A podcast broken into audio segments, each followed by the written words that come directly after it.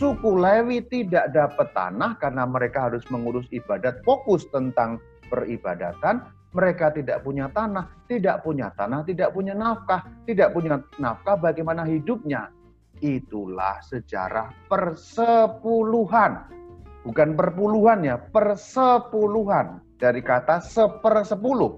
Maka kalau orang bertanya, Romo, kenapa gereja katolik tidak melaksanakan persepuluhan? Karena konteksnya itu untuk orang Israel. Kok di sana-sana itu masih ada yang pakai persepuluhan Romo karena duitnya memang besar.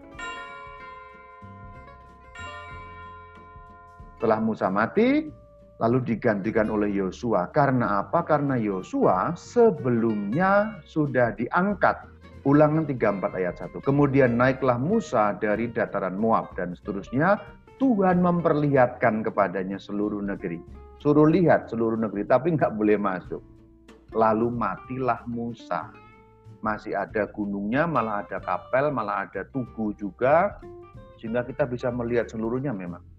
Gunung Nebo itu di daerah Moab, zaman sekarang daerah Yordania, negara Yordania. Singkatnya Musa mati di pintu tanah terjanji. Lalu ayat 9 mengisahkan Yosua bin Nun penuh dengan roh kebijaksanaan sebab Musa telah meletakkan tangan ke atasnya. Sehingga orang Israel mendengarkan dia.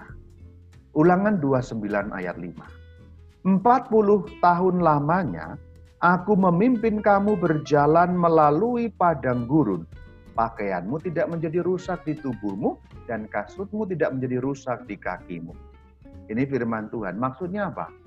Eh umatku 40 tahun lamanya, itu lama loh kamu keliling-keliling padang gurun, pakaianmu tidak rusak, kasutmu tidak rusak. Maksudnya apa? Kamu ter terjamin. Musuh disingkirkan, makan minum ada, jadi sebenarnya betul-betul Allah menjaga orang Israel 40 tahun lamanya berada di padang gurun. Ini yang mau disampaikan ayat ulangan 29 ayat 5. Selanjutnya jalan ceritanya bagaimana masuk Kanaan itu. Pertama penaklukan Kanaan. Kita harus ingat di sini bahwa tanah Kanaan itu bukan tanah kosong, tapi ada orangnya yaitu orang-orang Kanaan. Jadi jangan merasa bahwa tanah Kanaan itu betul-betul tanah kosong yang belum berpenghuni, ada penghuninya. Maka perlu ditaklukkan. Setelah penaklukan Kanaan, pembagian tanah. Jadi ditaklukkan, dibagi di antara apa? Di antara suku-suku, karena sukunya 12. Kemudian Yosua mati. Kota pertama yang diberikan oleh Tuhan kepada orang Israel adalah Yeriko. Menarik sekali cerita Yeriko ini. Yosua 6 ayat 1. Ini sudah pindah ke kitab Yosua. Karena begitu kita sampai pada kitab terakhir Torat, lima kitab pertama itu, kitab terakhir itu bernama apa? Deuteronomium. Deuteronomium itu kitab ulangan, itulah kitab terakhir yang menceritakan pada bagian akhirnya Musa mati digantikan Yosua. Sekarang sudah masuk ke kitab Yosua. Kalau kita sudah masuk ke kitab Yosua berarti sudah berada di pintu gerbang Kanaan. Boleh dikatakan simbolnya begitu sudah dekat Kanaan sudah hampir masuk Kanaan. Yosua 6 ayat 1. Dalam pada itu Yeriko telah menutup pintu gerbangnya. Telah tertutup kota itu karena orang Israel. Tidak ada orang keluar atau masuk. Gambaran dulu supaya paham. Zaman kuno semua kota selalu ada pintu gerbangnya. Kenapa? Karena semua kota berbenteng. Jadi zaman kuno yang disebut kota itu benteng keliling pasti, bukan seperti kota zaman sekarang. Kalau kita pergi ke kota mana pun kan terbuka saja. Benteng itu betul-betul keliling untuk melindungi orang yang di dalam kota pada waktu malam. Karena kalau pada waktu malam harus ditutup gerbangnya, seperti kalau zaman sekarang seperti perumahan klaster gitu loh, tapi skalanya lebih besar tentu saja. 3.300 tahun yang lalu atau 3.000-an tahun yang lalu, dunia itu dunia barbar. Rebut merebut itu hal biasa. Jadi pada zaman itu tidak ada yang dinamakan salah merebut kota itu salah tidak salah. Dalam arti tidak salah menurut penilaian orang zaman itu itu biasa sekali. Biasa dalam arti menurut penalaran dan pemikiran orang zaman itu. Ingat, ini cerita tiga ribuan tahun yang lalu. Jangan lalu diukur dengan ukuran zaman sekarang. Loh itu kan salah Romo. Ya iya salah betul. Tetapi dalam pikiran orang zaman itu itu biasa saja. Menjarah itu biasa saja. Memalak itu biasa saja. Mengambil barang orang ketika ketemu di padang gurun, kamu saya ancam harus diserahkan semua harta bendanya itu biasa. Memang seperti itulah hidupnya pada zaman itu. Begitu loh maksud. Sekarang ayat 2. Berfirmanlah Tuhan kepada Yosua, ketahuilah aku serahkan ke tanganmu Yeriko ini. Dan seterusnya. Dan memang akhirnya Yeriko jatuh pertama kali sebagai kota yang diberikan oleh Tuhan. Tidak dengan perang, saudara-saudari. Yang terjadi hanya orang Israel keliling-keliling kota gitu, sambil membawa tabut perjanjian nanti hari ketujuh meniup trompet lalu bersorak bersama-sama woi runtuh benteng kota yang mengeliling itu runtuh sehingga gampang memasuki kota dan diserbu kota yang lain dengan cerita itu kita mau mengatakan yang memberikan Yeriko itu adalah Tuhan Allah bukan karena jasa orang Israel sendiri ketika membaca bagian-bagian ini kita harus menempatkan ayat-ayat ini pada zamannya yaitu tiga ribuan tahun yang lalu. Jangan buru-buru menariknya pada zaman sekarang, nanti konslet. Tidak cocok. Jadi sebenarnya ada sesuatu yang tidak bisa ditarik begitu saja pada zaman sekarang. Selanjutnya kita lihat bagaimana pembagian tanah Kanaan. Nah, pembagiannya singkat saja seperti itu. Langsung saya tunjukkan sebelah kiri ada Yehuda di selatan yang di dekat Laut Mati itu Yehuda yang penting-penting saja ya saya sampaikan Yehuda di situ ya lalu yang di utara Sebulon dan Naftali itu daerah dekat Danau Galilea maka Yehuda di selatan naik sedikit Benyamin maka nanti ketika punya kerajaan dan suku-suku berpecah itu 10 lawan dua yang dua itu di selatan hanya suku Yehuda dan Benyamin itu pembagian tanah Kanaan hanya memang suku Lewi tidak ada tanah. Kalau Anda perhatikan peta ini, suku Lewi tidak punya tanah. Kenapa suku Lewi tidak punya tanah? Karena suku Lewi dikhususkan sebagai suku kaum imam dengan tujuan mengurus peribadatan.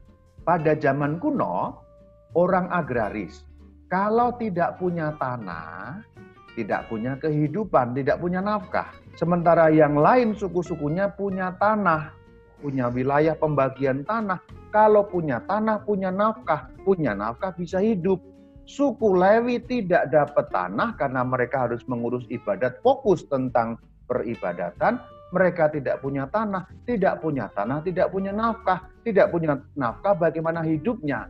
Itulah sejarah persepuluhan. Bukan perpuluhan ya, persepuluhan. Dari kata sepersepuluh tiap-tiap suku tadi itu menyumbang sepersepuluh, sepuluh persennya. Jadi persepuluhan, persepuluhan itu kalau bahasa sekarang per sepuluh persenan, sepuluh persenan gitulah. Jadi setiap suku memberi sumbangan kepada suku Lewi 10% dari hasilnya masing-masing. Kan ada 11 suku non Lewi, berarti 10%, 10%, 10% untuk menghidupi orang Lewi. Jadi itu ceritanya persepuluhan. Nggak ada hubungannya dengan orang Kristen. Nggak ada hubungannya dengan pengikut Kristus. Sebenarnya ceritanya adalah konteksnya. Orang Israel dalam pembagian tanah. Maka kalau orang bertanya, Romo, kenapa gereja Katolik tidak melaksanakan persepuluhan? Karena konteksnya itu untuk orang Israel. Kok di sana-sana itu masih ada yang pakai persepuluhan Romo karena duitnya memang besar. Jadi jangan tanya kepada gereja Katolik mengapa tidak melaksanakan persepuluhan karena sudah jelas persepuluhan tidak digunakan oleh gereja Katolik karena memang itu bukan perintah untuk orang Kristen. Itu perintah untuk orang Israel kuno zaman Yosua. Orang Israel yang setelah bertempat di tanah Kanaan tidak ada hubungannya dengan pengikut Kristus sebenarnya. Sama seperti sunat itu ceritanya. Sunat itu untuk orang Israel. Tidak ada hubungannya dengan pengikut Kristus meskipun pada awal pernah diperdebatkan. Selanjutnya Yosua mati. Namun sebelum mati Yosua Yosua sudah mengikat perjanjian ulang. Jadi memperteguh perjanjian. Yosua 24 ayat 1. Kemudian Yosua mengumpulkan semua suku orang Israel di Sikem. Mereka berdiri di hadapan Allah. Kemudian berkatalah Yosua kepada bangsa itu. Yosua 24 ayat 22. Kamulah saksi terhadap kamu sendiri bahwa kamu telah memilih Tuhan. Jadi memilih Tuhan berarti sekali lagi menegaskan perjanjian tadi. Maka Yosua 24 ayat 25 menceritakan seperti ini. Pada hari itu juga Yosua mengikat perjanjian dengan bangsa itu dan seterusnya. Maksudnya apa? Meneguhkan perjanjian yang sudah diikat dengan darah perjanjian waktu di Sinai. Yosua 24 ayat 29. Sesudah peristiwa-peristiwa ini, maka matilah Yosua bin Nun ketika berumur 110 tahun. Lumayan tua juga umurnya. Kalau kita melihat bagaimana cerita 3.300 tahun yang lalu, keluar Mesir masuk Kanaan itu sebuah happy ending. Macam-macam kisahnya itu bertubi-tubi kesulitannya tetapi ini berakhir dengan bahagia maka disebut sebuah happy ending. Dan memang diceritakan dengan sangat manis di Yosua 24 ayat 31 itu Yosua bagian-bagian terakhir.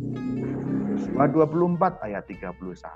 Orang Israel beribadah kepada Tuhan sepanjang zaman Yosua dan sepanjang zaman para tua-tua yang hidup lebih lama daripada Yosua dan yang mengenal segala perbuatan yang dilakukan Tuhan bagi orang Israel. Kesimpulannya sangat manis, orang Israelnya juga bagus. Orang Israel beribadah kepada Tuhan, setia. Berarti pada zaman Yosua orang Israel setia kepada Tuhan